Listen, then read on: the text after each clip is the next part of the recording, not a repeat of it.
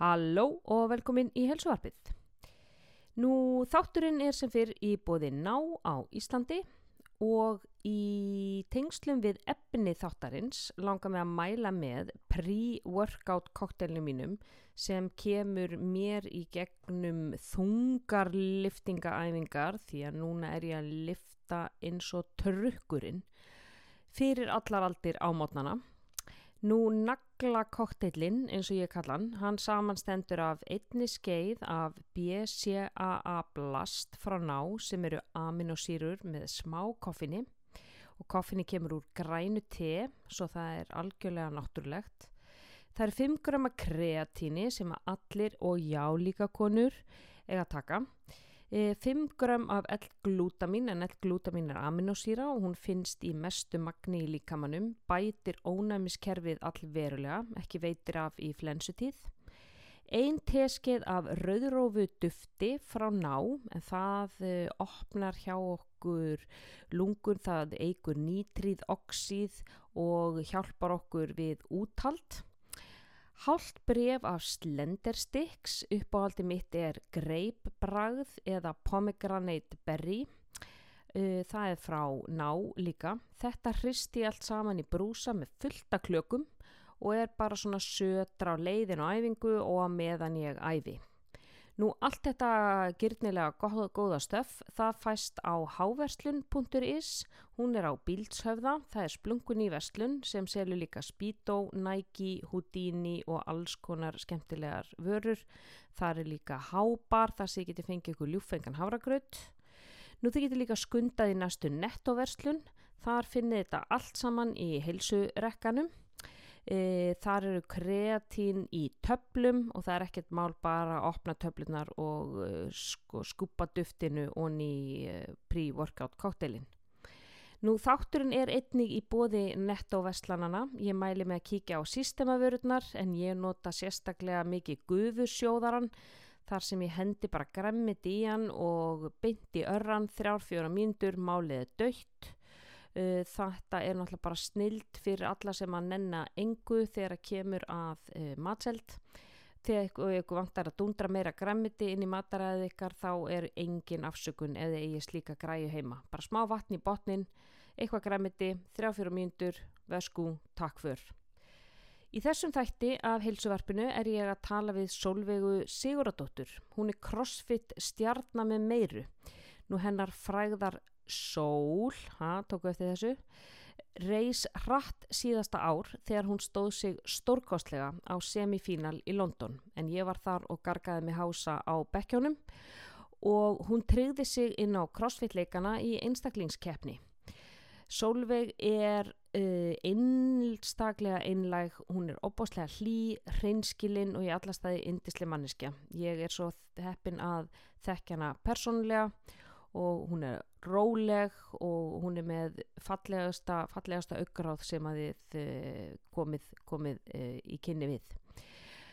Hún opna sér hér um reynsluna af öllum þessum keppnum, hvernig var að æfa á Mallorca, hvernig hún er meðvituð um sitt eh, neikvæða innra sjálfstall og hvernig hún er að reyna að breyta því í jákvæðara sjálfstall einlegt og opið viðtal við stórkostlega konu sem á eftir að ná feiki langt í sportinu, býðiði bara. En hér er heilsuvarpið, ég að tala við Solveigu Sigurdóttur, gjörið svo vel.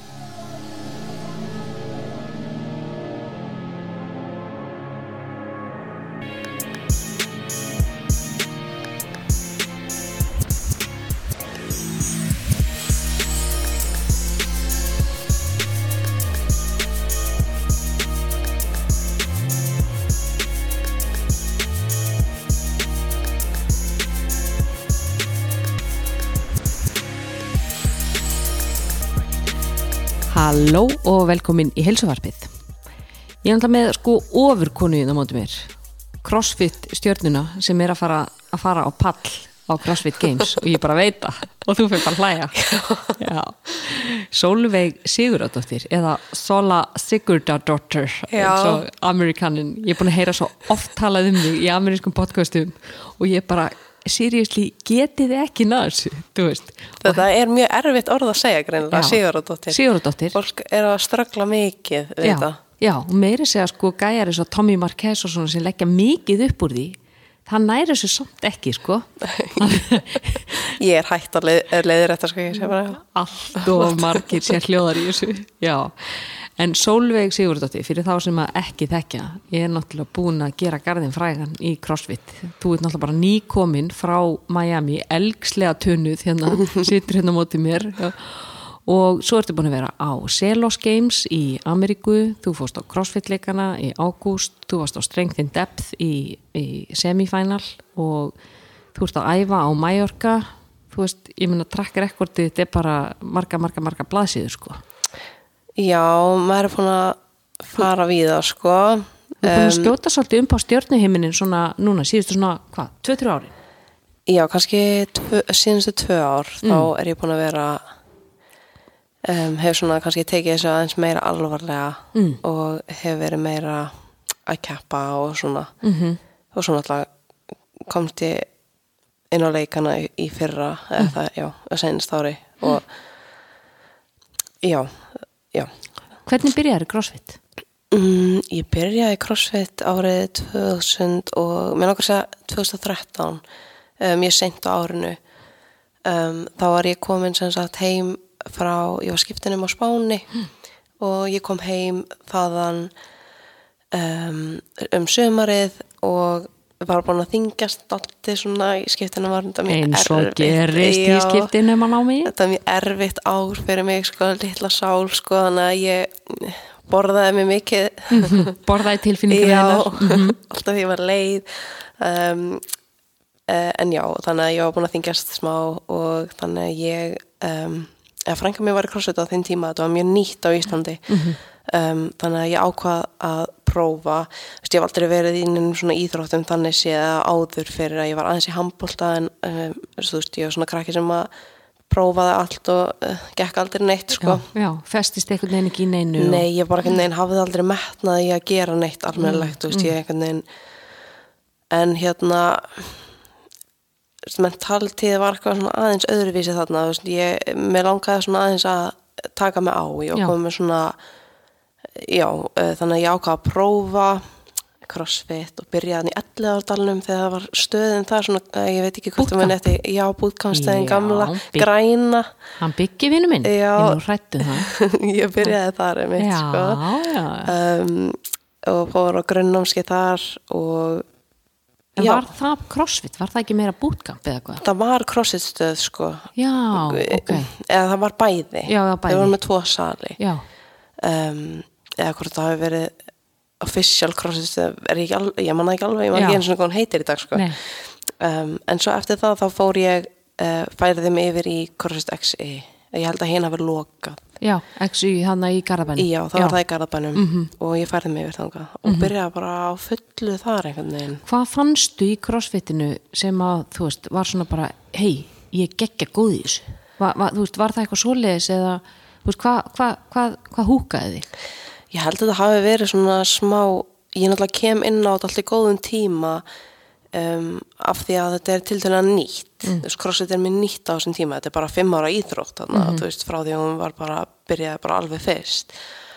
Um, og á Íslandi mjög ný um, og, og fyrir mig að koma inn basically ekkert verri heldur en einn annar eða skilur mig, að því að það voru allir bara eitthvað figuring out, bara hvernig á að gera butterfly uppbyggingar og eitthvað svona skilur þú veist, það voru tveir, tvær manneskir í Íslandi sem gáttu gert muscle up Já, þú veist, þannig að ég bara svona Var það, hvað, animist og... já, eitthvað þannig. Já, hann er mist að ég hef verið já ég veit. um, já, þetta var hann að þú veist, ég er að koma inn á svona þannig tíma að uppbyggingatímabilið mitt er einhvern veginn svona samhliða þú veist, uppbyggingu crossfit einhvern veginn þannig að það er aðeins öðruvísi að þú ert að byrja í dag að þegar level er svo opaslega hátt. En um, já, og ég einhvern veginn bara svona ég held að ég sé með svona allt í lægi svona coordination og þannig. Mm, um, þó að ég hafi já, ég held að það hjálpið ég að get mér hrift mig alveg ágætlega, þú veist, líka mér bara einhvern veginn svona að vinna með mér. Mhm, og um, og ég er í grunninn bara frekar veist, sterk. Já, þannig að það tók mig ekkert opast að langan tíma að geta gert stöður uppbyggingar og allt eitthvað svona. Mhm.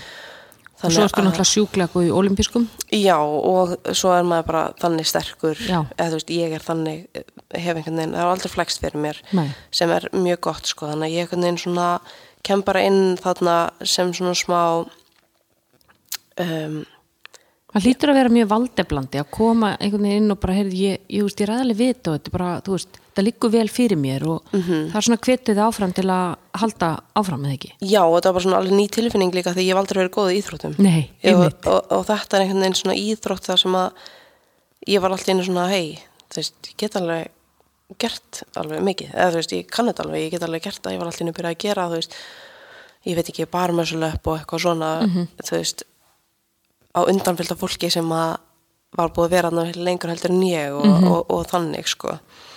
Þannig að, já, þetta er einhvern veginn svona, og núna í dag skil ég ekki akkur ég var ekki veist, meira inn í íþróttum þegar ég var yngri, skilur það, því að mér finnst þetta svo ókslega gaman í dag. Getur það verið að þú byrjar sko í handbólta og eitthvað svona sem eru hópíþróttir og fyrir marga er það sko, fyrir svolítið eftir karakteringinu kannski, að þá er það svolítið svona óknveikjandi, ég, veist, allt liðið reyðir sig á mig, ef ég gerir mistök þá er það mistök fyrir liðið. Crossfit er svona einstaklingsýþrótt ég minn ef ég fokka upp þá fokka ég bara upp skilu ef ég mæti ekki aðeingu þá er það bara mér að kenna. Þú veist, þá, þá er ég bara að fæna ég minni árangri. Þannig ég er raunin ekki ábyrga hvert neinum öðrum. Þú veist, getur það verið einhver faktor í því að Já, ég, það meikar alveg sens að það segja, sko, og þú veist, og ég man bara eins og í handbóltanum að, hérna, manni fannst maður einhvern veginn aldrei vera nógu góður, mm. skilur, þú veist, það var alltaf stelprannan sem voru, veist, miklu betur en maður sjálfur og, og þjál, þjálfararnir líka, þú veist, það er, ég ætla bara að segja að það er eins öðruvís að þjálfa úlingstelpur heldur en úlingsstráka já, og þú veist, þetta er bara alltaf öðru vísi og hérna já, ég einhvern veginn svona ég einhvern veginn svona fann mig aldrei, þú veist, pressan var alltaf of mikil, mm. skilur og ég einhvern veginn svona um, kannski gugna alltaf aðeins smá þegar ég var yngri þarna undir pressu þú veist, og einmitt það, þú veist, þú ert ekki einn á vellinum, skilur, þú ert með þú veist, völd öðrum leikmönnum. Já. Um, þannig að já, þetta var einhvern veginn ekki fyrir Hva- mig þarna. Hvað, hvað fannst þér í þjálfunni, þú veist, þú horfið tilbaka, svona fullorins augum á þjálfunna, þegar þú segir þú þjálfar unglingstelpur öðruvísi en unglingsstráka, hvað getur þú sagt núna sem fullorinn manneskja, horfandi tilbaka, hvað hefðu þér átt að gera öðruvísi, eða hvernig átt að nálga stelpur betur? Ég held bara í fyrsta lagi þarftu bara að vera rólegur, halda róðinni og þú veist og ræða við þær í staðin fyrir að garga bara mm. sem var svolítið gert Já, því den sko já.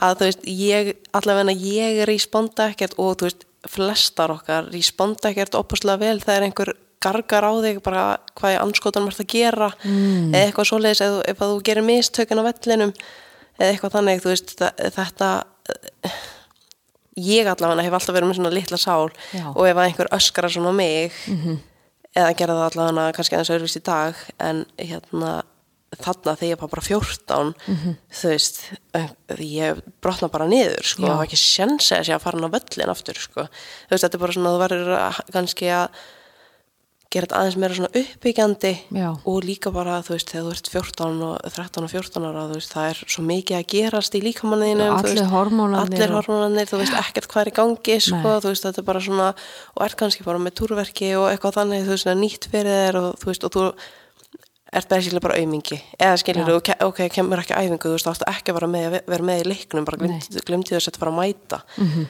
þú veist, maður bara svona þú veist, þetta er nýtt fyrir mér líka skilur þú veist, ég er ekki að reyna, eða þú veist mér finnst svona smá eins að þú ert bara svona settur í svona aumingja dálkin, Já. skilur Já, já og þetta, þetta líka þetta, þetta sko uh, þessi óttastjórnun eða svona þessi, þessi harða bullying sko, hvað það gera, hvað ert að hugsa? Þú veist, það er eitthvað gargað á því þú ert 13 ára stelpa sem að óvart kastaði bolta í einhver aðra átt. Kallar það á svona viðbröð Já, þú veist, ég meina, ég er ekki allir bara að reyna að gera sitt besta þarna, ég, þú veist, ég, já, ég er ekki að reyna, að þú veist, við enginn að reyna íðalega fyrir liðinu, skilur Nei. það bara kemur fyrir, skilur að gerist eitthvað. Og þá skiptir máli hvernig þjálfarinn bregst við, já bara upp á upp á bara framtíðina, sko, þú veist, það endaði bara með því ég bara gæti ekki meir, sko, auðvita, já, hættur bara. Já, það endaði með því hætti bara, sko, já, já. Þetta er svona svipað sko, ég meina út með krakka sem tússar á veggin og ég meina þú ert alltaf að garga hætt að tússa á veggin, skilur að þá, að hann gerir þetta þú veist, hann gerir þetta kannski ekki aftur en, en þú ert ekki búin að er ekki miklu áhrifaríkari leið að heyrðeska mín, veistu að mömmu finnst opaslega leiðilt að þú tússar á veggin og það væri miklu betra um þú bara tússa þinn á þetta blað. Því að þú veist, mamma, mömmu þykir rosalega vænt um veggin, skilju, þannig hann er útskýrur fyrir badni og við erum bara ekki döðruvísi, menn ef þú bara útskýrir fyrir mér, veist, að það er bara betra ef þú bara kasta boltanum eða stendur þarna eða þú veist, notar þetta kerfi eða whatever, skilju, útskýrum bara svona rólega þá síast þetta inn og ég er ekki með ég er ekki bullandi streytukerfi þannig að framheili minn er að virka vegna að ég er bara róleg. Ég tek við upplýsingunum frá þér og ég get þá integrera þær og no, notfært mér þær. Akkúrat. skilur en ef þú gargar á mig þá fer ég bara í streytu, ég fer bara í stressástand og ég tek ekki inn alveg hvað þú segir og ég fer bara í eitthvað tilfinningatjón og þú ert líka niðurlega mig fyrir framan aðra. Já, það er um máli, sko, mann liði bara vandræðilega, sko, það, þetta verður vandræðilegt og ég minn er það styrkjandi til að koma aftur? Mhm. nei, nei, einmitt. Þannig að, þannig að, ok, þannig að við erum sérst í, við erum, þú ert komin í CrossFit XU Mhm. og þar heldur bara áfram og, og hvernig ákveður að þú veist, byrja að keppa? Um, ég held að það var svona 2000 og eh, ég byrjaði náttúrulega á einhverjum Íslandsmótum og eitthvað svona, gera eitthvað svona gaman. Og þú veist þá 2015-16 þá voru Íslandsmótin í CrossFit alveg miklu stærri en þeir í dag mm skilur þú veist það voru allir hann á Íslandsmótinu sko.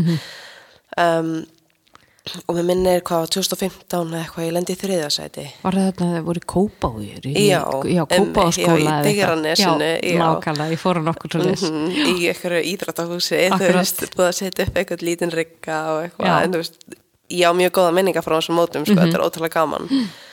Og þú veist, það komið að segja, þú veist, fólk frá þú veist, útlöndum að keppa á, á þessum mótum, skilur er það? hérna, en þá náttúrulega var crossfit svo lítið í Evrópu Mhm. og þú veist Íslandsmóti í crossfit var bara eitthvað svona þú veist, fólk kom bara frá Sviss og eitthvað að Já. keppa þarna skilur um, en já, ég byrja eitthvað aðeins að eh, keppa þar Mhm. og þú veist, og þá erum við að keppa þú veist, Anna Hulda Mhm. þú veist, og Þuri og þú veist, og Katarín og þær keftu líka á þessum mótum Mhm. þannig í dans, sko um, ég man að ég hitti Katrín á einu svona móti. Já, fekk mynda með henni, það hefur verið 2015 já, alveg 15 eitthvað leys en svo var líka þreikmótoröðin sem að fór alveg. Mhm. stundum sko. um, en já, þessar ég hugsa stundum til þess að tíma að því að mér fann, það var svo ógeðslega gaman í crossfit þarna, þú veist, á þessum tíma. Þegar allir voru bara þú veist, að peppa hvern annan, þú veist, á þessum litlu íslensku mótum og þú veist, og við fórum stundum þú veist, á hlæðislu mótu á Akureyri. Þú veist, Já. það, bara fjölmyndi allir á það mót, skilur, fórum bara allir til Akureyri að keppa. Og þú veist, það þetta voru mjög skemmtilegir tímar í crossfit, sko. Um, og svo fórum við uh, á leikana eða fórum við á regionals uh, 2016 17 Mm. eða 2016 fórum við með lið uh, á regionals uh, XI í, í bandaríkjunum? Já, er við vorum á regionals í, uh, þá hefur það verið í hvort það hafi verið í Kakamachika um, á Spáni á þeim tíma. Mm. og það voru sagt í liðinu, þetta voru sex manna lið Mm.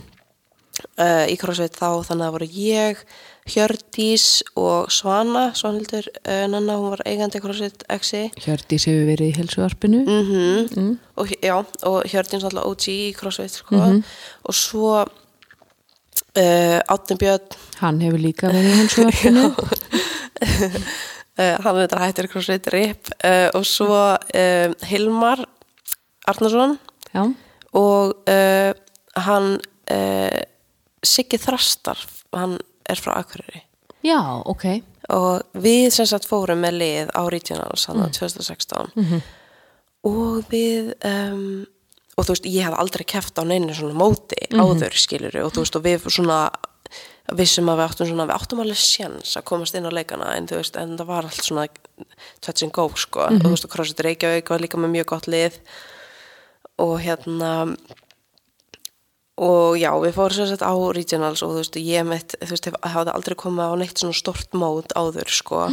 Og þú veist, ég man bara eftir fyrsta votinu um, þegar við vorum, þú veist, fyrsta votinu á regionals þú veist, þá vorum við að gera eitthvað, ég man ekki hvað, þú veist, og ég náttúrulega, þú veist, allt einu komin inn í eitthvað risa höll og eitthvað og þú veist, bara geðveikt mikið af góðu fólki þarna.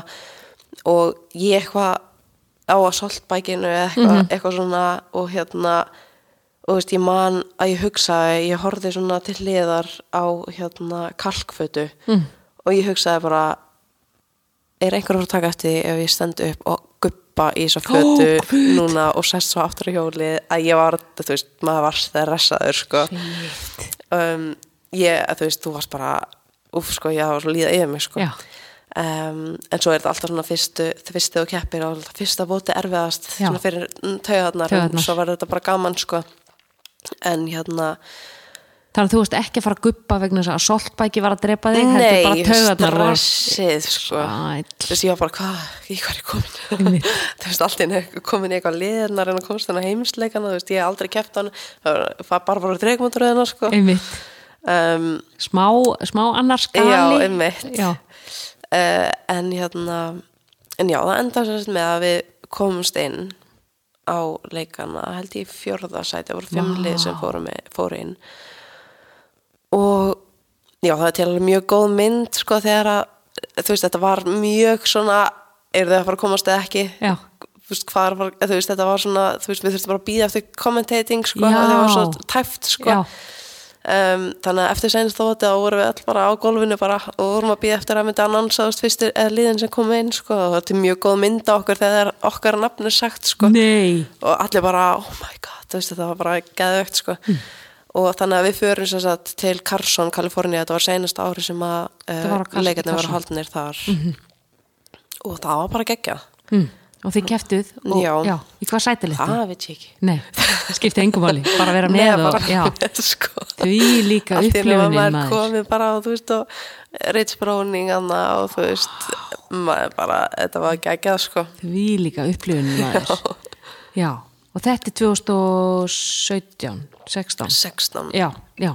Hvað gerir svo, ég meina við erum 2023, þú kemst inn á leikana 2022, Mhm. núna í fyrra, frá 2016 til 2022, eru sex ár, þú ferð ekkert aftur á leikana þegar þú ert bara búin að fara tvisar á leikana, ekki rétt mér? uh, ég fær tvisar liði Þú fórst tvisa, ok, Mhm. þannig að þú fórst aftur í liði eftir þetta. já, ára eftir fór ég í Krost Reykjavík og við fórum með lið þangað Ok. þá komst ég reyndar inn á regional sem einstaklingur mm. þú veist uh, það voru, og það var alveg erfitt þá veist, á þeim tíma það voru bara 30 sem komast inn mm. 2017 en ég var einhvern veginn búin að segja að ég ætlaði lið þannig að ég afþakkaði bóðið -hmm. og fór með liðinu Hverju voru í því liði? um, þá var það ég, Þröstur Stefán um, Stefán Ingi og Hilmar aftur um, og uh, stelpunna voru Harpa, Dögg og, og Birna Blöndal Mm. Mm og hérna já, það var alveg fíntlið sko um, En svo ákveður að reyna bara að, að keira á einstaklings, bara þinn karýr sem einstaklingur. 2018 sem sagt, þá hérna, komst ég inn á Regionals aftur uh, sem einstaklingur. Já, og þá vissi maður ekkert að það var senastu ári sem að Regionals var haldið sko. já. Þetta er alltaf að breyta þessu höllum, þetta er bara uh, mjög erfitt að fylgjast með þessu. Já, þannig að ég fór þanga á seinasta Regional sem var haldið. Það var í Be Berlín. Ok, um, gengur illa þar. Mm. Um, en og það, ég var alveg smá tíma að ná mér svona eftir það mót ó, andlega. Já, bara svona eitthvað hvað langar maður að gera eitthvað, hvað, akkur, Á- svolítið áttavillt. Já, bara svona st já, bara eitthvað svona vissi ekki alveg Nei, hvað er ég að gera eða, veist, er þetta málið eða voru það eitthvað svolega spurningar eða? Já, bara svona ég þurfti að gera svo mikið til þess að verða betri einhvern veginn og ég var bara svona já, var bara eitthvað svona andlega eitthvað ekki alveg. Já, en og já, fórstu eitthvað niður í kjallara? Já, svona ég maður bara, þú veist, ég hjólaði bara í mánuð. Það Já. var eina sem ég gerði. Já, þú veist, og ég er bara líka á þeim tíma mjög um, svona berjast við mataræði mitt. Ah, og það, þetta var alveg svolítið erfur tími. Mhm. þú veist, ég hefði verið á senstu ár eh, á mjög hörðu mataræði. Mm, og hérna og svo eh, þú veist ma- maður veit það alveg að þú ert svona rosalega strikt mataræði opaslega lengi, þú veist, ég léttist alveg um 7 kíló eða eitthvað mm. á þessu mataræði og þú veist, var komið niður í 63 kíló, og ég er þú veist, 1,70 sko. Já, Þú er veist, ég var mjög, mjög grönn sko. Já, já, og svo hérna, þú veist, missa maður bara tökinn og þú veist, ég man hann á rítinans 2018, þú veist, ég var búin að þingjast aftur upp í alveg 71 kíló eða eitthvað Já. svona, sko, þú veist, að mann líður ekkert opaslega vel, sko, maður, maður, maður, þú veist, mér leið bara eins og ég var eitthvað bladra, sko, Já, og þú veist, og alltaf að reyna að létta mig aftur, sko, og þú veist, og gekk aldrei neitt. Og alltaf að tekið af mig meiri mat og meiri mat, þú veist, þannig að basically var ég bara að borða bara eh, tvær bröðsnegar á dag, sko, en þú veist, og þá gerist það náttúrulega bara að þú bara bindsar, já. Þú veist, maður bara er svo opaslega svangur mm, og það enda bara að þú veist, á kvöldin þá er ég bara þú veist, basically með smjör líki að borða, eða þú veist, bara svona Bara með höndunum, sko. Já, þú veist, það verður bara eitthvað svona bull, já, sko. já, já, já, við þekkjum þetta öll Já, þannig að þú veist, vítarhingurum var alveg it was a struggle, hann að það er bara, þú veist, ef maður íti pendulnum og langt í eináttina þá kemur hann bara öllu afli tilbaka í hináttina, sko. Það er, þú veist, og maður vill bara ok, get ég ekki bara verið hérna bara svona eins og bara, þú veist þetta er svona bara þessi litlu sveiflur, skilur en það er einmitt þegar þetta verður svo rosalega stíft þetta mataræði, hvað ákveðni mataræði varstu, voru, erum við talað um bara fitness mataræði? já, ég var að byrja á RP streng. Já, ok. Og þú veist, og ég veit alveg að fölta fólki á því dag, sko. Og hérna, og það er kannski aðeins öðruvísi í dag heldur en það var þá. Mm. en já, þetta var bara ekki gott sko. E sérstaklega fyrir einhvern svona eins og mig sem að heyr kannski svona smá predisposed fyrir að eiga erfitt með þetta. Já. þú veist, ég hef alltaf átt mjög erfitt með nei, auðvelt með að þingjast til dæmis. og þú veist, ég hef bara alltaf verið þannig. Þú veist, ég var alltaf svona bútaði krakki og það er mjög mikið að passa hvað ég borða því annars þingist ég bara eða skilur og þú veist.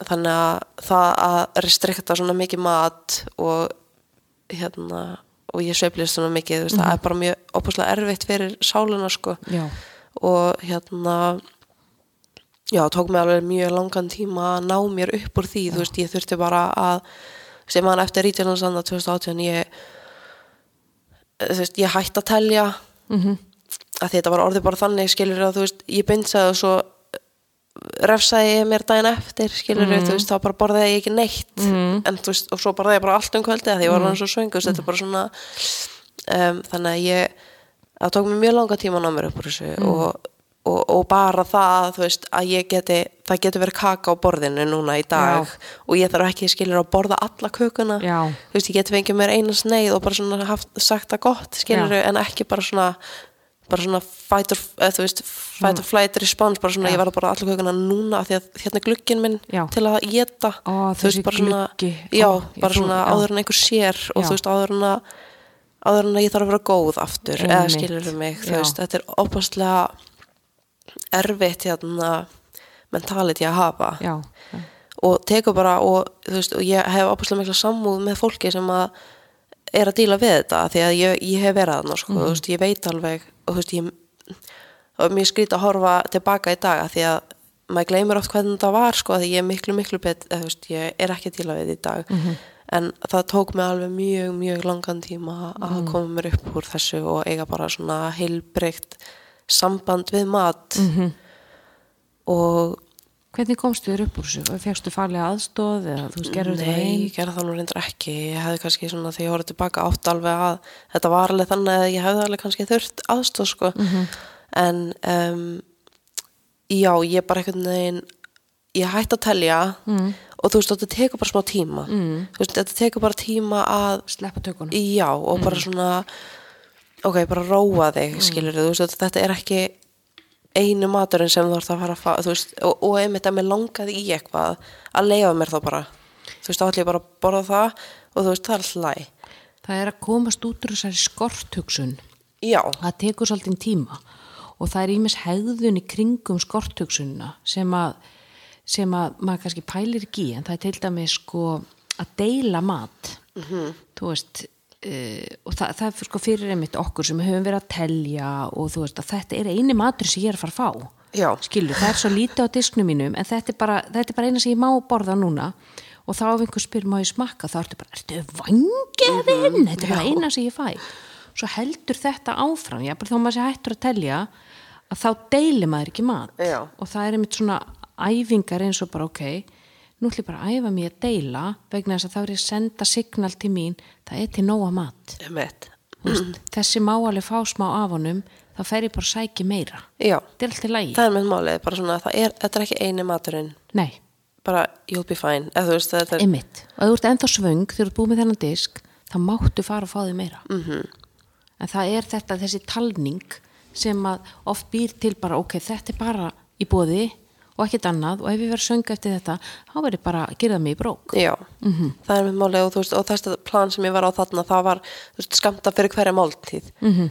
um, og ég hef alveg komast að því núna í dag að það virkar ekki fyrir mig veist, ég verð að hafa yfir daginn þannig að þú veist, kannski er ég bara ekkert svöng á mótnana Nei. eða þú veist, og borðaði bara eins minna og á það bara eins meira til þú veist, inn í daginn Mhm. og líka bara það, þú veist, ég vinn núna með alveg frábærum manni sem heitir Mike Molloy? Já, Mike Ó, Molloy M- M2P, Já, já, M2 Nutrition já, ég elska hann, hann er æði. hann er æði sko Og hann er líka sko í bara, geti meira kolvetni, Já. geti meira. hann er sko, hann er að berjast við að fá mig til að borða meira, Já. ég er alltaf bara, "Nei, bara þetta er nóg, bara, og hann er svona ok, svona, nú ætlum við að fara í þérna 400 kolvetni og í nokkrar vikur. Og ég bara svona, oh my god. Og hann bara, þetta var alltaf lægi og svo veist, hann svona skamtar mér svona smá og smá en ekki, hann tekur ekki að mér sko, Nei, nei. Þú veist, og, og líka ef ég er svöng Mm. þú veist, þá fæ ég mig bara meira að borða og þú veist, og, honum finnst það bara alltaf lægi eða skilur, ég útskýri það þá bara daginn eftir, bara ég var söng í dag. Og hann bara, ok, þú veist, geða þetta og fegst mér aðeins að borða, Já. eða skilur þú veist, þetta er ekki svona eitthvað eitthvað verið að slá á hendina á manni fyrir að var hafa það fengið þannig sér í RP?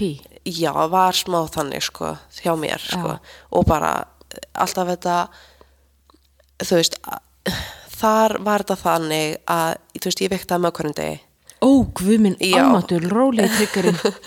triggerinn sko, já, Já. ég, þú veist að þetta var, þetta, ég held að þetta ég vekta mig ekki í dag, þú veist, ég, ég fer stundum á viktina bara Já. upp á fönnið, ég bara svona hvað ætli ég sé núna, Já. en þú veist en þarna, þú veist, ég, hver einasti dagur hjá mér í svo langan tíma byrjaði á að ég stegi á viktina Mm. og þú veist, og þetta var það, þú veist, validationu mitt yfir daginn, bara, Mhm. þú veist, ef ég var búin að þingjast um hálf kíló eða eitthvað frá daginum áður sem getur nota bene verið hvað, þú veist, Mhm. Það er ekki ég, sko, þú, já, já, þetta er bara mhm. svona en þú veist, ég þurfti að senda hérna, mynd af þú veist, viktinni eða senda hvað ég var þung Mm. þú veist, á hverjum degi uh, til þessar næringa þjálfara hana í, í hérna Ok, rólið að búa til átröskun. Já, þetta er nefnilega smá svoleið sko, og veist, og þetta uh, fer mér mikið í hausuna manni af því að þú veist, og svo að ég allt í hennu búin að þingjast alveg fullt og eitthvað, og hann 70 okkar kíló sem er nota benni, þú veist, ég er 70 kíló í dag sko, og, og hérna en back in the day þarna sko, þá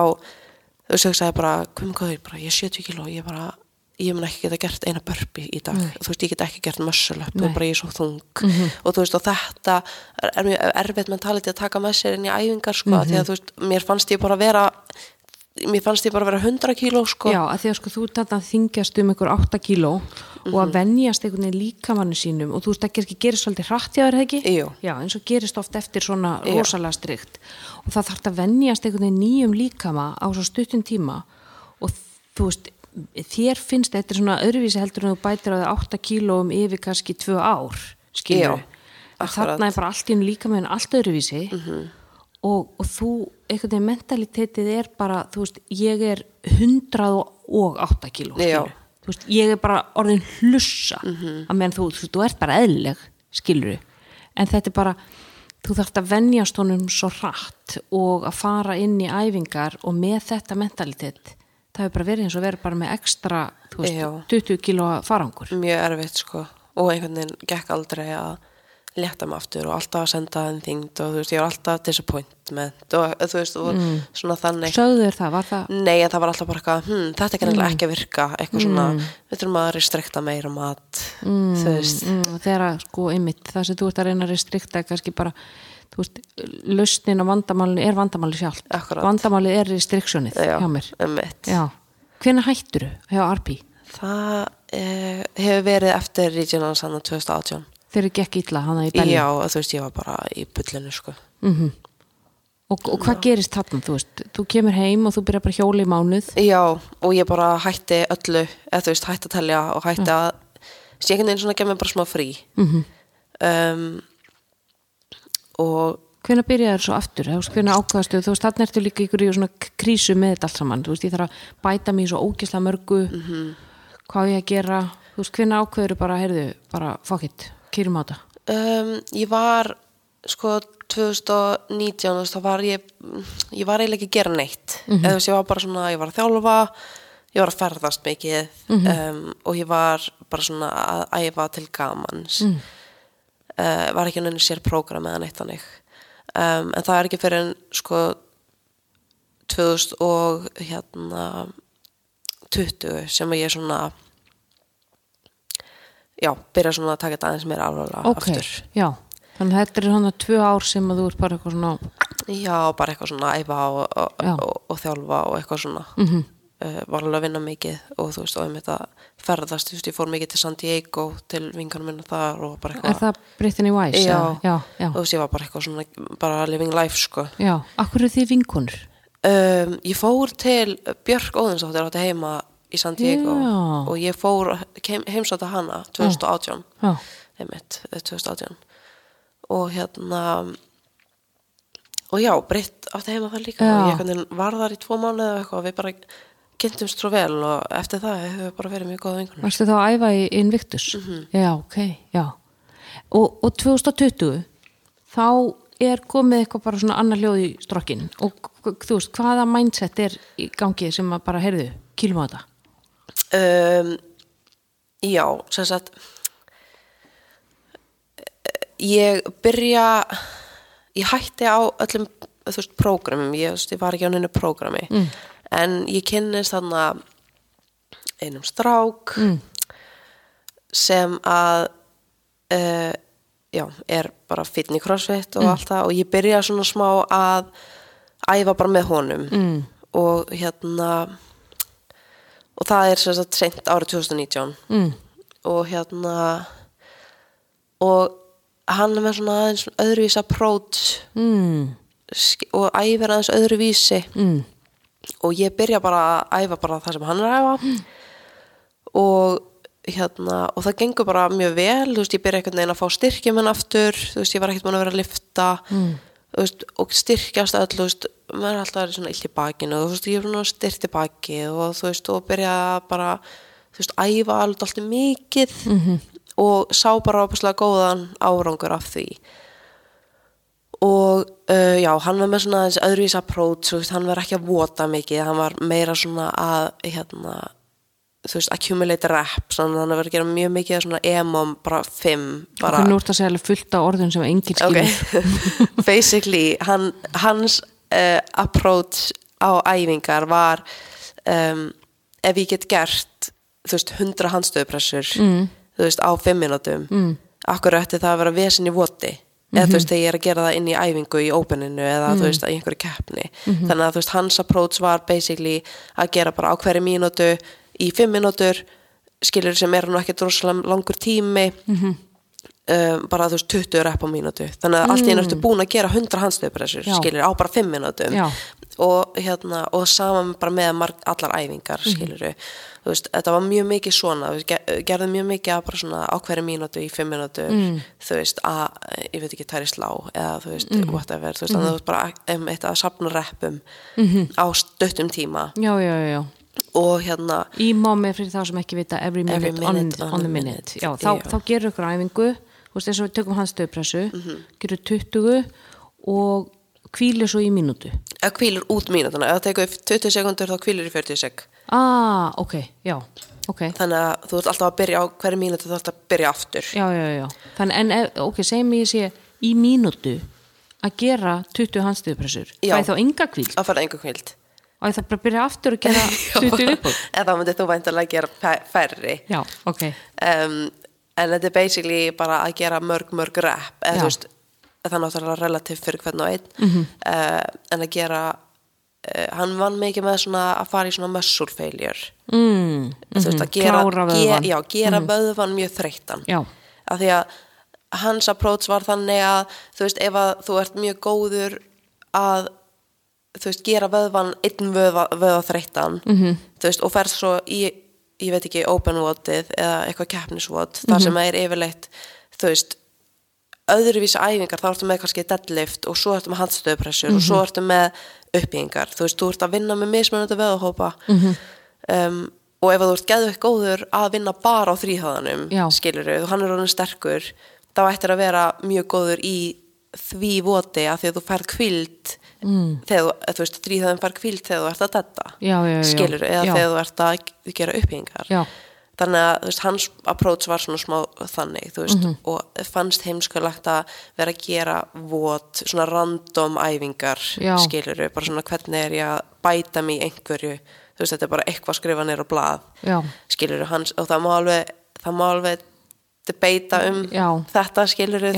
en allavega þá uh, gekk þetta alveg mjög vel fyrir mig. og þetta virka, þessi nálgun hans hún greinlega virkaði vel fyrir þig Já, og Já. bara svona fínt að fyrir að koma mér aðeins inn í þetta. já, aðeins að Aftur. svona, svona mjaka sér aftur Já, tilbaka Mhm. og þú veist, og ég varð mjög, þú veist, við æfum saman alveg í ár, ok, eða svona, eh, þú veist, áttamáni frá 19 til 20 eitthvað. Já, já, bara basically fram í COVID 2020 já, og hérna, og þá er ég bara eiginlega prógrama fyrir sjálf mig að þú veist, ég gera voða mikið það sem hann er að gera en læri voða mikið á meðan þú veist, Mm. bara svona hvernig hann er þú veist, og hann er voða mikið að vinna með þú veist, svona banded beigjur, Mm, og eitthvað svona mjög svona mikið svona dragasleða, ítasleða Mhm. labba með bolta, veist, og gera banded olimpíska liftingar sem var svona, fólk horfða á okkur bara svona hvað eru það að gera, Mhm. en á sama tíma þá virkaði þetta mjög vel fyrir mig þú veist, ég var bara here for the ride sko, ég Mhm. var bara allt í henni gangi gett vel um,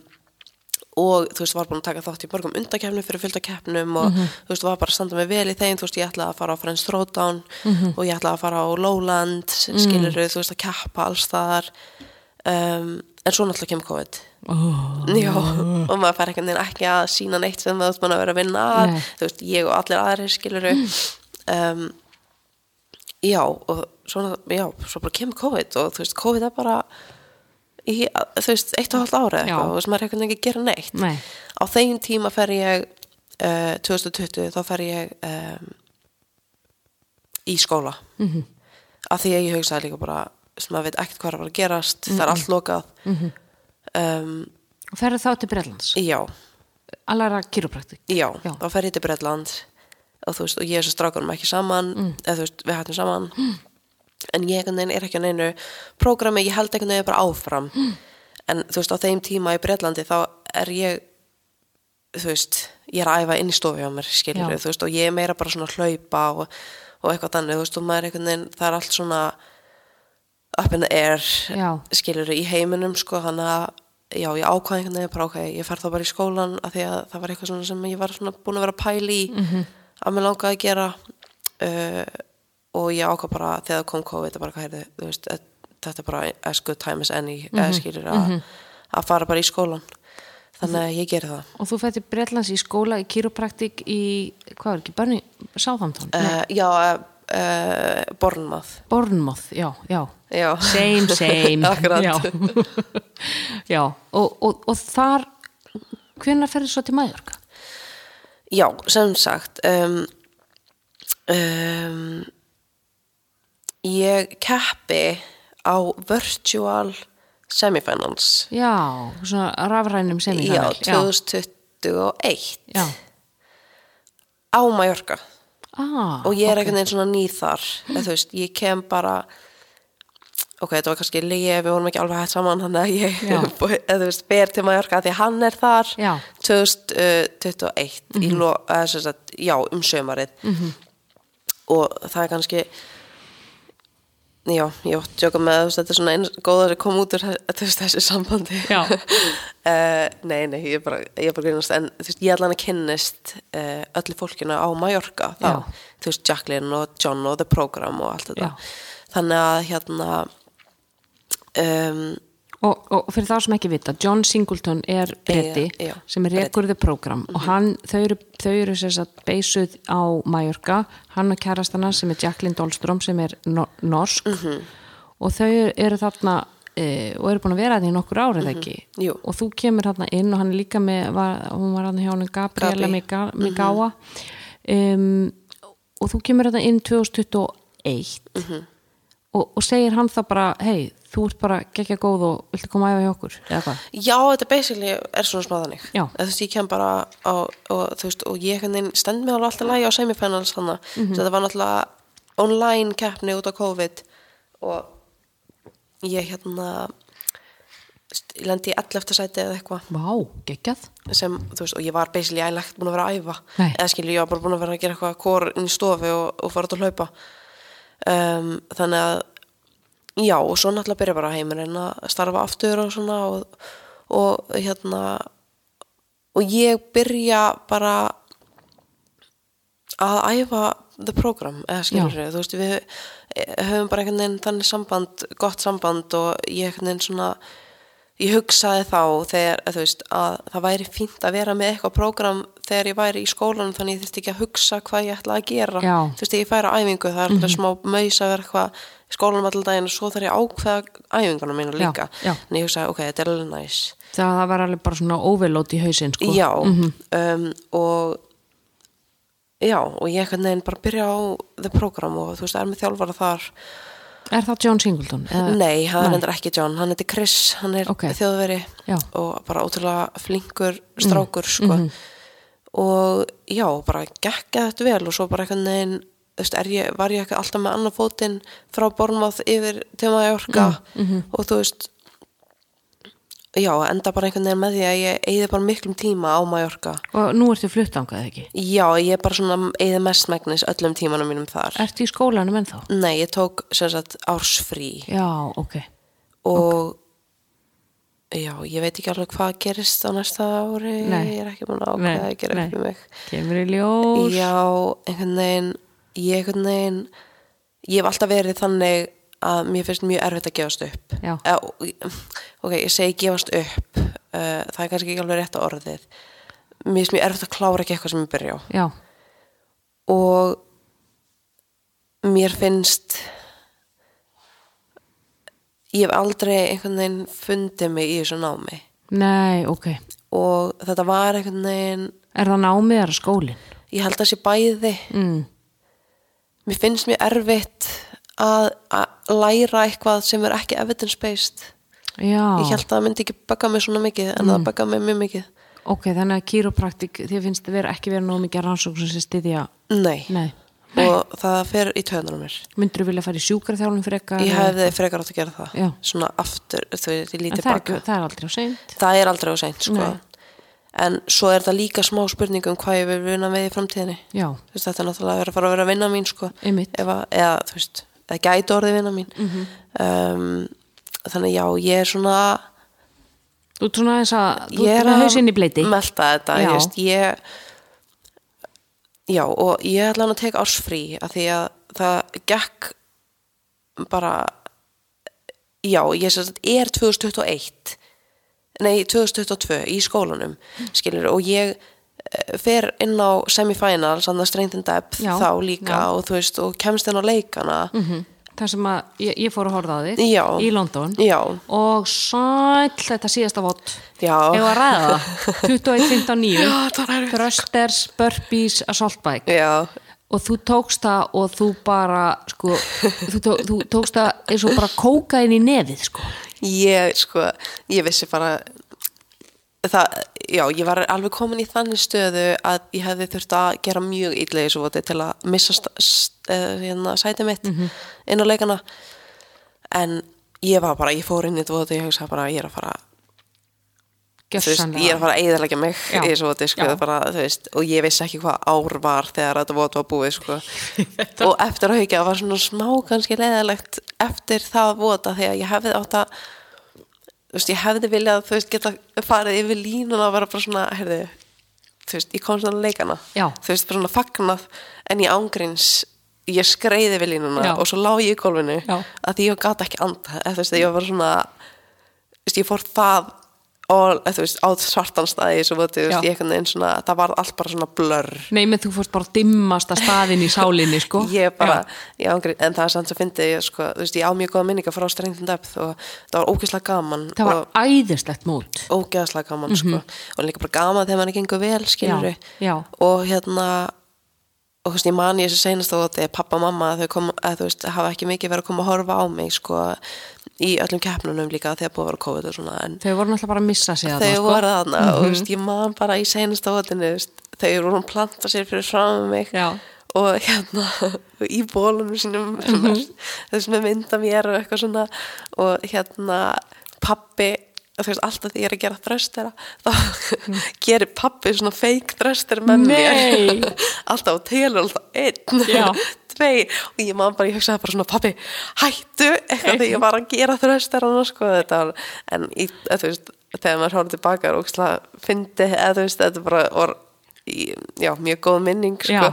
En á þessum tíma var ég bara heiðu En dullu pappin með móralska stuðningin úr stúkunni. alltaf bara Já. einn, tveir Með alltaf lifta að gera þrösturana. í takt við mig sko En sko þetta er ógeðslegast að blanda. Það er assault bike, þröstirar og burpees. já, þetta er alltaf bara Já. til að drepa þig sko Já, þetta er bara, þú veist, ég meina sá sem hatar gleðina, hann prógramera þetta trend saman, sko. Já, líka sem, sem seinasta vot sko, það er alltaf eitthvað svona uh, ruggli seinasta vot. Já ég veit það, svona, þetta er að auka spennuna veist. þau, Já, það er ekkit gaman að hafa eitthvað max rep eitthvað í, í seinasta votinu, Nei, sko. akkurat. Nei, nei. En þú sko þetta tryggir þín að leikana eftir strength in depth í, í London. Og svo ferð á leikana. Já, og það gengur ekki alveg eins vel og, og, og þér finnst. Þú vildir gera? Já, nei, það gekk ekki eins og ég. En um, En náður sko að, þú veist, fóstu inn með rosalega mikla væntingar eða, þú veist, varstu, fannst þér sko að þú hefði geta gert eitthvað betur eða þú veist, hvað hva var, um, hvernig fóstu út úr leikunum, þú veist, hvernig var innra sjálfstalið? ekki gott. Nei, ég, því nú varstu búin að fara tvisra á leikan áður. já þetta sem var veginn, ég vissi það sem alveg komandi inn á leikana að þú veist, það, leikandi væri, erðu svona different beast keppni, skilur þú veist, dýpt, uh, dýftin á levelinu Já. er svo ógæðslega mikil hann þegar þú ert komin inn á leikana, þetta eru 40 besti heiminum og hérna og já, þú, þú veist, þú getur séð eitthvað vot og hugsa, þetta er gott vot fyrir mig. Veist, þetta er gott vot fyrir 35 aðra stelpur líka, skilur þannig að þetta er svona það já, það að þér finnst eitthvað ganga vel, þú veist, og einmitt það gekk vel í voti, já, bara hérðu, þetta gekk mjög vel þetta vot, þú veist, ég er samt í 20. seti, sko, Já, skilur einmitt, mig? Einmitt, sem maður er bara ekkert vanur þessu. Nei. Level er svo hátt að þú Level er ert að keppa við svo sko. svaðaleg, sko, svaðaleg tröll, sko. já. og þú veist og já, ég ég kannski, ég oft straklað við svona smá svona einmitt þetta sjálfstal mm. og, og ég man bara þú veist eins og þú veist þegar að því að uh, þegar ég, þú veist, ég hef náttúrulega hort á ég er búin að vera mjög lengi í þessu sporti og þú veist, og ég hef oft hort á stelpur að komast inn á leikana mm -hmm. skilur þú veist, eitthvað svona þegar kallanafnið þitt og þú veist, og einhver hefur gert vel í voti og bara svona, you made it, sko, þú veist, og þetta er alltaf geðveikt, þú veist, maður bara svona oh my god, bara þeir eru geðveikar. Bara allir þessu góðformi og bara, þú veist, living the dream og bara svona þú veist, bara svona já, maður er einhvern veginn svona gefur þeim svo mikið kredit eða skilur þú veist, bara svona og, og, þú veist, og kredit þú veist, þeir, þeir eiga að skilja, skilur þetta er afreg að komast inn á leikana. Og það er svona mitt fann, þegar ég komst inn á leikana skilur ég var, ég var auðvitað glöð. En hausinn minn fór bara eitthvað, já ef þú getur þetta þá er þetta nú ekkert eða skilur Já, bara svona já, þú þú gast þetta nú. þannig að þetta. er ekkert það spes. Og Já. ég einhvern veginn svona og ég veit ekki hvort það sé bara að því ég hef aldrei verið þegar ég var ung, þú veist, íþróttakona eða Mhm. neitt þannig, þú veist, og hef einhvern veginn aldrei áorkað neinu í Mhm. neinni íþrótt uh, en, og ég einhvern veginn tók þetta smá af mér Mm. og mér finnst það leðilegt í dag Mhm. að ég hafi ekki, þú veist, auðvitað fannst mér þetta gaman en þú veist, ég hausinn minn fór samt á þennan stað Þannig eftir strength in depth þá, þú veist, í þessu sko svakalega afreiki að vera þarna topp 5 að komast inn á leikana að þá tekuru sko, þú tekur það af þér þú, það er svona impostor syndrom Mhm. -hmm. þú veist, já, ok nú þetta er ekkit erfitt fyrst að ég gæti þetta. Já, en það er ekki sko shit, hvað er góð maður. Ég gæti þetta, nei. Og hefði ég hugsað, þú veist, hefði ég ekki komist inn skilur, þá hefði ég hugsað um allar hérna bara eitthvað, það eru miklu betri. Já, ég. eða bara svona já, bara svona þar er allar svo óksla skilið. Já. bara þær eru vera svo dullar Ég, ekki, ég var ekki nógu dugleg, ég átti þetta ekki skilið. já, þær eru bara svo góðar. Eða þú veist, en þegar ég kemst inn þá er það svona eitthvað svona, þetta er greinilega ekkert það mikið áreik Sko, það er, við, við notum oft í sálfræðinni svona líkingu sko að, að þú veist, þú ert með nonna neikvæða og svo ertu með sigga spaða. Og siggi spaði er, þú veist, hann er bara með þetta, hann er bara maðurinn og alltaf. Og nonni neikvæði er bara rosa lítill í sér og, og finnst hann aldrei nógu góður. Og ef þeir fara báðir í próf og þeir fá báðir fimm þá er Siggi spaði bara brjálaður vegna þess að prófið var svo ósangjant en nonni neikvæði er að berja sig niður vegna að hann læri ekki nógu mikið. Þeir fara aftur í próf, þeir fá báðir tíu. Siggi spaði er bara shit maður, ég er svo með þetta. Þú veist, ég er bara gáfaður og klár og aðeinslugur að meina nonni neikvæði hvað segir hann? Prófa svo létt. Já, og það er nákvæmlega það sem að þú ert þarna. Þú fær tíu prófunu og þú ert nonni neikvæði. Prófið var svo létt. Mm -hmm. strength in depth var greinilega ekkit þetta er greinilega ekkit þetta er greinilega ekkit rosa. Þannig að þetta er sko hvort skýrum við hlutina með ytra eða innri skýringum. Og ef að ég er þú veist með neikvætt innra sjálfstal þá þegar mér gengur vel þá er það einhverjum ytri þáttum já, að þakka. er sko.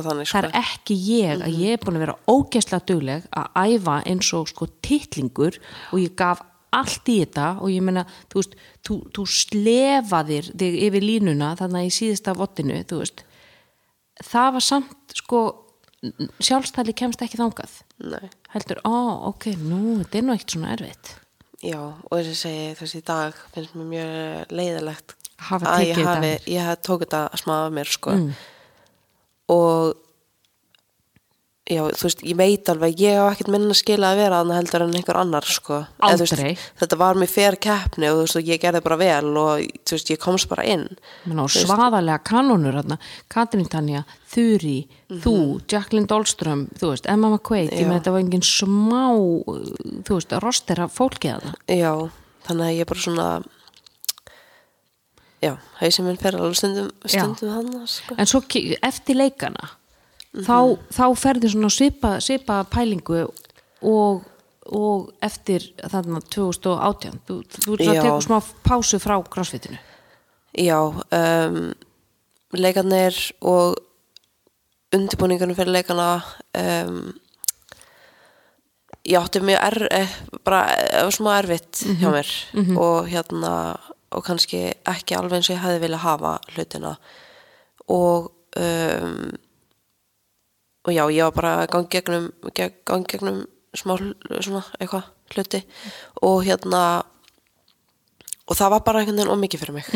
Og ég einhvern veginn og mér finnst það mjög leðilegt í dag líka að þú veist hvernig þetta var allt. -hmm. að því að ég hefði viljað kringustæðna voru bara ekki heppilegar nei, Nei. kringstæðan voru óhefnilegar og hérna og já og, og hérna reynslan mín þarna innkennist svolítið mikið af því mm. þú veist, ég einhvern veginn held að ég gæti bara haldið haus í gegnum Já. gegnum allt og bara svona staðið mér samt vel Mm. En það var ekki raunin. Nei. og hérna náði hausinn svolítið yfir, yfir? Já, nonni, nonni, nonni neikvæði náði svolítið að grassera hana Já, um, þannig að ég eftir leikana var mjög erfið tími fyrir Já. mig. Og bara svona mjög dimmu tími.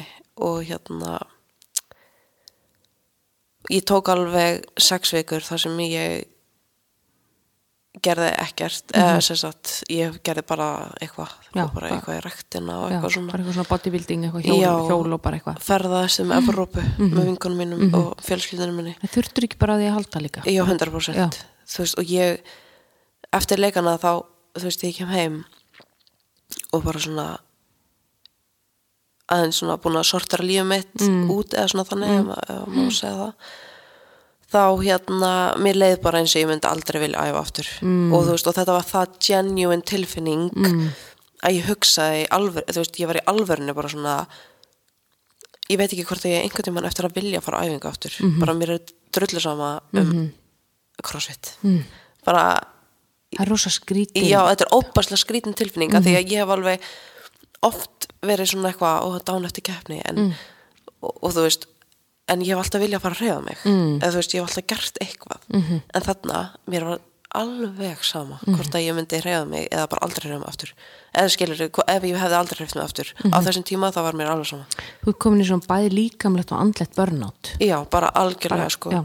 og þetta var mjög svona, einmitt, svona óþægileg tilfinning að því að ég genuinely vissi ekki hvort að ég myndi einhvern veist, tilfinninguna að ég myndi vilja fara að æfa Já, aftur. þess að löngun Já, til að æfa. Ég bara ángríns vissi ekki sko, ég var bara ég hugsaði bara, ég hef aldrei eftir að vilja æfa aftur. Nei, og hérna, vá, um bara, þú veist, hugur ekki að, að geta sagt þetta upp átt núna.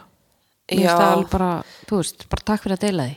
Já, æ, mér finnst þetta alltaf lægi í dag, eða skiluru en, en þetta var mjög svona sem þetta sker í tími, af Já. því að líka crossfit er eitthvað sem enginn mjög mjög mikið, Mhm. þetta er vinna mín, -hmm.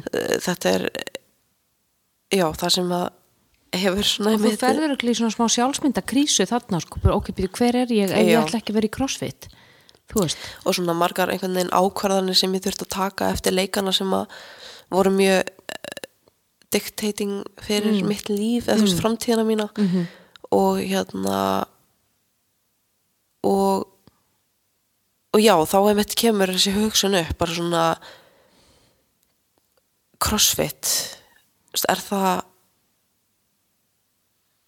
þetta er er þetta þess virði? Eða skilur og þú veist og, og hversu miklu er ég tilbúin að forna til þess að vera góð í crossfit? -hmm. og ég menna það er alveg eðlægt að maður spyrir sér þessa spurninga. Auðvita og ég hugsa allir íþróttamenn á einhverjum tímapunkti lendi nákvæmlega sama þú veist, hva, hvað er ég að gera? af hverju er ég að eða öllum þessum tíma í að veist, hjóla okkur hjóli inn í stofu að því mér langar að taka þátt í veist, einhverju hundra kilometra það skiptir ekki máli hvað það er. Þú lítur einhverjum tímapunkti bara, veist það, fokkið þið nynnuski Já, og ég er bara svona, ég er búin að vera að vinna en núna er ég búin að vera í nýja ár. Og þú veist, lífið mitt hefur bara snúðist um þetta. -hmm. og hérna og stundu langar maður bara, heyrðu, veist að ég langar að fara að djamma í kvöld og mér langar ekki að hugsa Já. það hvort ég að vakna í fyrramálið eða þú veist, hvenær ég borða þessa máltíð eða, Já, veist, og maður hugsa bara svona til hvað sér að þessu. Eða skilur, og þú veist, ég veit alveg að þetta er mjög á þessum tíma var ég mjög á, á mjög demum stað, en ég hugsaði bara til hvers er ég að þessu og hérna eh, hérna Er já, ég fór leikana þú veist, ok, ég fór leikana og það var ömulegt þú veist, er það, is this it? Já, eða þú veist, er þetta ég er að þessu öllu, Já. allan á sér ring fyrir þetta loka takmarkið er að komast á leikana ég komst og það var ömulegt og ég bara svona, oh my god Já. bara, þú veist, hvers er það þessu bara krísan sem Já. maður fer í, maður bara svona og þú sérð kannski ekki út úr þarna því að sko þarna ertu í streitu, þú veist, framheiliðin er bara eitthvað svona, þú veist, ekki alveg að virka. Og þá sérðu kannski ekki alveg út úr svartnættinu að sko ferlið sjálft, þú veist, æfingarnar, þú veist, vottið á einhverjum skýta þriðudegi í februar er bara svo gaman. Já. og þú veist, það er þessi félagskapur og það er þessi næring sem ég fæ út úr því og þú veist, að vera þarna í þessu umhverfa á Mæjorka og meðallum og þú veist, að það er það sem að næri mig en á þessum tímapunkti eftir leikana í dimmasta svartnætti hugans þá getur ekki séð það Nei, þú sér það ekki sko Nei. og þú veist, ég var alveg, ég er alveg ég er ekki vitlu sko, þannig ég viss alveg ok, svolveg hvernig þið líður núna mm. er ekki sannleikurinn, eða þú veist bara svona passa að að ekki taka hennar drastískar ákvarðanir núna með lífið þitt af því að þú veist að þú ert ekki á réttum stað mm -hmm. Skilur þannig að ég ákvað bara svona veist, ég þurfti bara að taka alvöru pásu -hmm. þú veist, og bara svona eða tíma með vinum mínum og hérna fjölskyldinu minni og gera eitthvað eitthvað svona aðeins annað. Þannig að ég fer bara ég klára prófi mín þú veist ég átti eftir að taka einhver próf að því ég var ennþá eftir, eftir að klára árið mitt í skólanum. Klára prófi mín og hérna fer bara á eitthvað Eurotrip sko. Já, já, keiri 20 ára gamla um, mínu kúperi minn sem er sko með stýri hægra megin skiluru frá Breitlandi ég keiri hann frá Breitlandi um, eftir að ég er búin að prófunum fer ég bara eh, yfir til uh, hérna Fraklands mm. keiri til Luxemburg hitti vinkunum mín þar, er þar í viku keiri svo þaðan við fyrir til Parísar mm. ég og tannig vinkunum mín erum þar yfir helgi og keiri svo frá París alveg niður til Nýs í Fraklandi næs og veist og þetta var alveg mjög þægilegu tími veist að það var basically bara ég Já. þú veist highway podcast, Já. tónlist Mhm. skiluru og bara svona aðeins má kópla sig út sko og náttúrulega gott líka bara að vera með vin, vinnu sínum og eitthvað og ég keiri, já, þangað til Nýsa sem pappi minn var að fara að keppa í 166 km hlaupi. UTMB langhlaupi, hann er voða mikið í því sko, þannig að uh, fjölskyldin mínu var þar og ég fer og ég tek hérna 60 km hlaup líka. Já, að því að bara, að, veist, ég þurfti bara að gera eitthvað. Mér finnst mjög gaman að svona challengeum eða skiluru, svona ultra dæmi. Þannig að ég fór að gera það. Uh, og þá svona þú veist, þetta er sko í september eða skilur mig, þú veist, þannig að það er mánuð eftir leikana já, og svo sex vikur eða eitthvað eftir og þú veist, og þá ekki, uh, í september um, eftir það þá finn ég alveg svona tilfinningin er að koma aftur. Já. þú veist, ég er að lifna þess við sko. Mhm. þannig að um, eftir, eftir Nýs þá keir ég til Barcelona uh, tek ferjuna yfir til Mallorca með bílinn. Mm. Og já, er komið til Mallorca aftur. Og ert bara búin að vera þar eila síðan og ert búin að keppa á Selos og búin að, varst síðast núna á Miami já, Wotapalooza, já, þið voru í sjötta sæti. Snillingar. Já, Já, takk. þvíli þú og Emma McQuaid hún er, hún er norðurýri eða ekki? Og svo er Jacqueline Dahlström sem er norsk sem er með þér á Mallorca. Og þið mynduð þannig að GoWat já, liðið. Já. Og hvernig var þessi reynsla að vera á Miami bara, þetta er fjörða skeipn sinn sem ég fer á Vatapalooza og mér finnst alltaf þetta er bara svona eins og bara eitthvað stórt partí Jú, basically, Já, já. þú veist, maður vill auðvitað gera vel og ég er ekkert að segja, þú veist, við erum allir íþróttamenn sko, Mhm. þannig að við, það er alveg númer 1, 2 og 3, en þú veist, á saman tíma er þetta líka bara skemmtimót, Mhm. þú veist það var gaman að vinna, en þú veist heimur, he, þú veist, heimurum ferst ekki ef að vinnur ekki þetta mót, skilur og já, það er alltaf gott partí eftir á og bara svona einhvern veginn allir koma saman og þú veist, gott veður og bara Já. svona, og þetta er einhvern veginn svona hefur verið svona senast á svona kickstart á sísoninu Já, af því að svo er bara ópinnið að byrja bara eftir, þú veist, mánuð. Já, Já, ymmit þannig að Já, já, ó, ég, ég þarf einhvern tímann að komast þarna á, á Miami Þetta á, er alveg draumur, sko. Já, ég ætla allavega að koma til Berlín já, í byrjun júni og þar Já. verður þú og ég Já. veit það Já, þannig ég, Ég ætla að vona það. ég ætla að vera að því í stúkunni með pappaðinum að gera svona fake þröstera ég stúku. ból. Þú redda mér ból, sóluból Já, já og sólu bara indislegt að fá þig bara takk, takk fyrir mig. takk fyrir að koma takk fyrir að vera svona opin og innlæg og þú veist, segja frá og einmitt, því þú veist, það er svo margir sem að einmitt, ströggla bara í hljóði og heyra svo heyrðu, já, hér er bara atvinnu íþjóttamanneskja sem að, þú veist, ég held að væri einmitt bara allt upp á tíu og já, heyrðu, byrju, hún er, já, hún er mannleg líka og hún upplifir líka ströggl og allt og, og þetta er svo ótrúlega hjálplegt fyrir fólk, það úti, Já. bara Jón og Gunnu, sko. Ég er alveg sammála og ég var alveg til að heyra eins meira. Ég hef alltaf verið mjög svona er það sem hjálpa mér er líka bara að heyra það frá öðrum Mhm. að, þú veist, að ég sé ekki ein eitthvað að ströggla eða skilur eða þú veist, allir, allir einhvern tímann ströggla eða skilur og það er lang, lang best fyrir þú veist, fólk að heyra það bara að Já. sé ekki allt bara eitthvað dans og rósum sko. Ég man að þú settir inn sko póstektímanum sko líkamsýmyndina þína það sem þú varst að taka myndir af þér á mótnana veist, og það einhvern veginn ákvarðaði bara daginn fyrir þig, er ég ánað með þessa mynd eða ekki Mhm.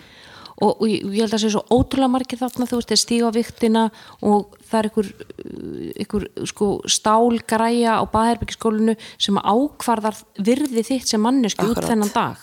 Og þetta er svo Já, brengilað og ég er, einmitt, ég er ekkert að segja, ég er ekki orðin fullkomin í dag ennþá sko, og þú veist, einmitt eftir þessar sex vikur þá var ég alveg þú veist, ég var ekki af skorin og ég var eftir leikana skiluru og þú veist, og ég þurfti alveg svona að eiga samtal við sjálfa mig, bara svona þetta ákvarðar ekki, eða þú veist, hvernig mér, eða þú veist það að ég sé ekki af skorin þetta, ákvarðar ekki virðið mitt. Nei. bara svona, ég þurfti bara að segja aftur og aftur og aftur mig, bara svona, og þetta er tímabundi ástand, eða þú veist, ég veit alveg að ég mun verða aftur í góðu formíkt þegar ég byrja að æfa aftur, eða þú veist þótt að það sé heldur ekki ultimate goal, eða þú veist Nei, skilur þú veist, en ég ströggla mikið með, eða hef alltaf ströggla með þetta að, þú veist, að vera frekar performance based Heldur en en útlits. útlits based og hérna þetta er já, uh, og þetta er það sem Mike er mjög góður í. Veist, þú ert að borða fyrir performance, já. en ekki til að líta og vel út maður finnur það líka sko, þú veist, að þegar maður er, svona eitthvað að kötta og þú veist, ætlar að verða eitthvað grenri, þá er maður bara eins og okkur væskill í ræktinni. Þa, það er bara, þú veist, þú ætlar að fara að lifta einhverju viti þú veist, ég finn það ef ég er að geta bara einhverja kjúklingabringur út í eitt þá er ég bara eins og einhver spörfugl í dettinu sko. Veist, ég þarf að borða eitthvað og ég þarf að vera með eitthvað pínlítið meira utan á mér til þess að ég geti púlað einhverjar þingdir sko, já, og þetta bara skildar saman alla. Alla. Og bara að vera já, veist, og þá bara, vel sko. já, og leifa sér líka að taka, þú veist, taktu þessar pásur þú veist, leiði bara kannski að taka smá tíma að þú borða vel og svona eh, endur setur aðeins bara kerfið í þér Mhm. og þú veist, taka vottin aðeins niður, þú veist, eigða tími þú veist, byggja upp styrk og, og þú, þú veist, því fylgir einhver smá líkasvita veistu, hún er ekki á þér að eilífu, Nei. hún fer svo þegar að, þú veist, það, það er svona margir sem að bara panika um leið og þú veist, þið finna þeir aðeins orðin smá flöffi Já. þú veist, og það bara panikmót og bara aftur í að, í að kötta og, og vera köttaður Einmitt. og þú veist, þið fara að sækjast þeim í tíu og búin að vera einu sinni köttar, þá verði alltaf að vera þar Já, og þetta er nefnilega, það er með máli líka þú, þú veist hvernig það er að vera þannig þá er einhvern veginn allt, en þetta er líka þannig að hérna að ég er alltaf, ég hef oft svona greipið mig í að ég er alltaf að býða eftir að ég verði nógu köttið eða nógu þetta og þetta og þá verður allt gott í lífið mínu Mm. Skilurðu, en svo hef ég alveg komist á þann stað að ég sé svona eins og ég hef alltaf viljað og þú veist það breytist ekki neitt Nei. veist, þetta, er, þetta er bara fals hóp að þú veist, máli er bara augnabliki núna er allt sem þú mynd nokkuð tíman eiga Já. og þú veist, og ég er að að reyna ofta að vera svolítið meira í núvindinni að þú veist, og ekki alltaf að vera að býða eftir einhverju, af því að mér finnst mjög leiðilegt að til dæmis horfa tilbaka eh, þú veist, á tíma minn á Mallorca og þú veist, ég horfði yfir á senasta ár, þú veist, ég er alltaf að býða eftir þú veist, einhverju Já. að ég er alltaf, þú veist, ég er aldrei viðstödd þú ert aldrei í núinu. mig? Nei, ég er alltaf Nei. svona, já þarna þá er ég, þú veist, búin að æfa svo mikið og vera svo góða formi og þá minnum mér líða svo vel og þú veist, og bla bla bla, þú veist, ég er aldrei einhvern veginn að njóta bara, mm. skiluru Mhm. og þú veist, og þetta er alveg svona svona gott wake-up call að, þú veist, og til dæmis bara ef ég horfi á myndir á mér frá þú veist, áður en ég fór á strength and depth Mhm. þú veist, ég var í mjög fínu formi -hmm. Og ég man bara á þeim tíma hugsaði ég bara, þú veist, ég er ekki nógu fitt ég er ekki nógu, ég, ég, ég líti ekki eins út og eins og þær stelpunar sem ég er að keppa við, þú veist, ég er ekki með nógu þú veist, ég, ég veit ekki lága fitiprósent eða eitthvað skilur þú veist, þetta voru hugsandi mína þá sko, og svo horfi ég núna á þessa myndir Já. og ég bara svona vá hvað ég var í góða formi. Eða skilur það, þú veist þú mátt Aldrei, aldrei, aldrei. aldrei sjá þetta sjálfur. Nei, aldrei ánaður og þetta er svo ógislega leiðalegt Já. Að því að þú ert miklu meira virði heldur en þú veist, ég er miklu meira heldur en crossfit og hvernig ég lít út og hvort ég sé þú veist, með eitthvað blótið í dag eða, eða þú veist, eða hvort ég sé búin að vera eitthvað aðeins að slaka á mataræðin, þú veist, ég er bara þú veist, þetta er ekki, ég set maður setur einhvern veginn allt verðið sitt á þetta. Og, og sko pælir í því þegar einhver ætlar að halda ræðum því amalniðinu heldur að hún sé, Sólvi hún er besta vinkonum mín vegna hún er svo ógísla köttuð, alltaf hún er svo geggjaðan sixpack. Þessin er hún vinkonum mín. Aldrei. Ok, Það þetta er punktur. já, veist, hún er vinkonum mín vegna þess að hún er, þú veist, ekki hleyið með henni hún er hlý, hún er kærleiksrík hún er alltaf til staða fyrir mig. Skilur, það er öllum drullu sama um hvernig, sko sixpackin, rassiðin, köttu lága fytbrúst, nobody gives a shit Já, en hvernig ertu sem manneskja? Mhm. og það er einmitt bara svona, ok, hvað myndi ykkur segja um, mig í um, þú veist, um mig í ræðu? Já, Já, góð er, lokaður hjá þetta er mjög góð, ég er bara já, þetta er, já. æði, Solveig, snild. Bara, ég þarf að fá því partú eitt tíma já, algjörlega. Já, en bara takk kærlega fyrir að koma. Já, takk fyrir að og til ykkur, hlustandi góður takk fyrir að hlusta á heilsuvarpið og þang til næst, við reyfles Sjáumst